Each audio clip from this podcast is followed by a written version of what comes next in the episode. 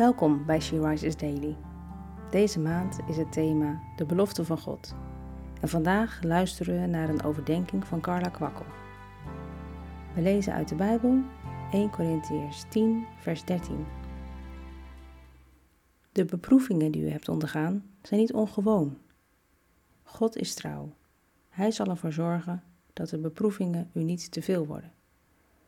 Hij zal ook een uitweg uit de beproevingen geven, zodat u er tegen opgewassen bent. Wanneer je een bewuste keuze maakt om in God te geloven en Jezus te aanvaarden als jouw redder, dan wordt het leven niet gemakkelijker, eerder moeilijker.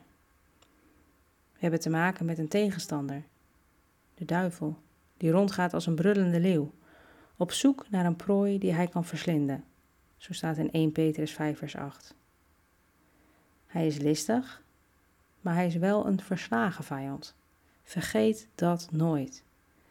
Wat wij ook meemaken in het leven, wanhoop niet, want God is trouw. Hij zal zorgen dat de beproevingen je niet te veel worden en hij leidt je er doorheen. God laat soms moeilijke dingen toe in ons leven. Wij hebben dat verschillende keren ervaren in problemen, ziekte en verdriet, maar altijd was Hij trouw. Altijd gaf Hij kracht. Nee, soms kwam er geen antwoord en soms kwam er geen genezing, maar wel een rust en vrede die alles overstijgt. Hij zei: Mijn genade is u genoeg. En ook: Ik laat alle dingen meewerken ten goede voor hen die mij lief hebben. Hij maakt zijn kinderen sterk in de strijd. Hij belooft: Ik zal voor je zorgen en je nooit in de steek laten.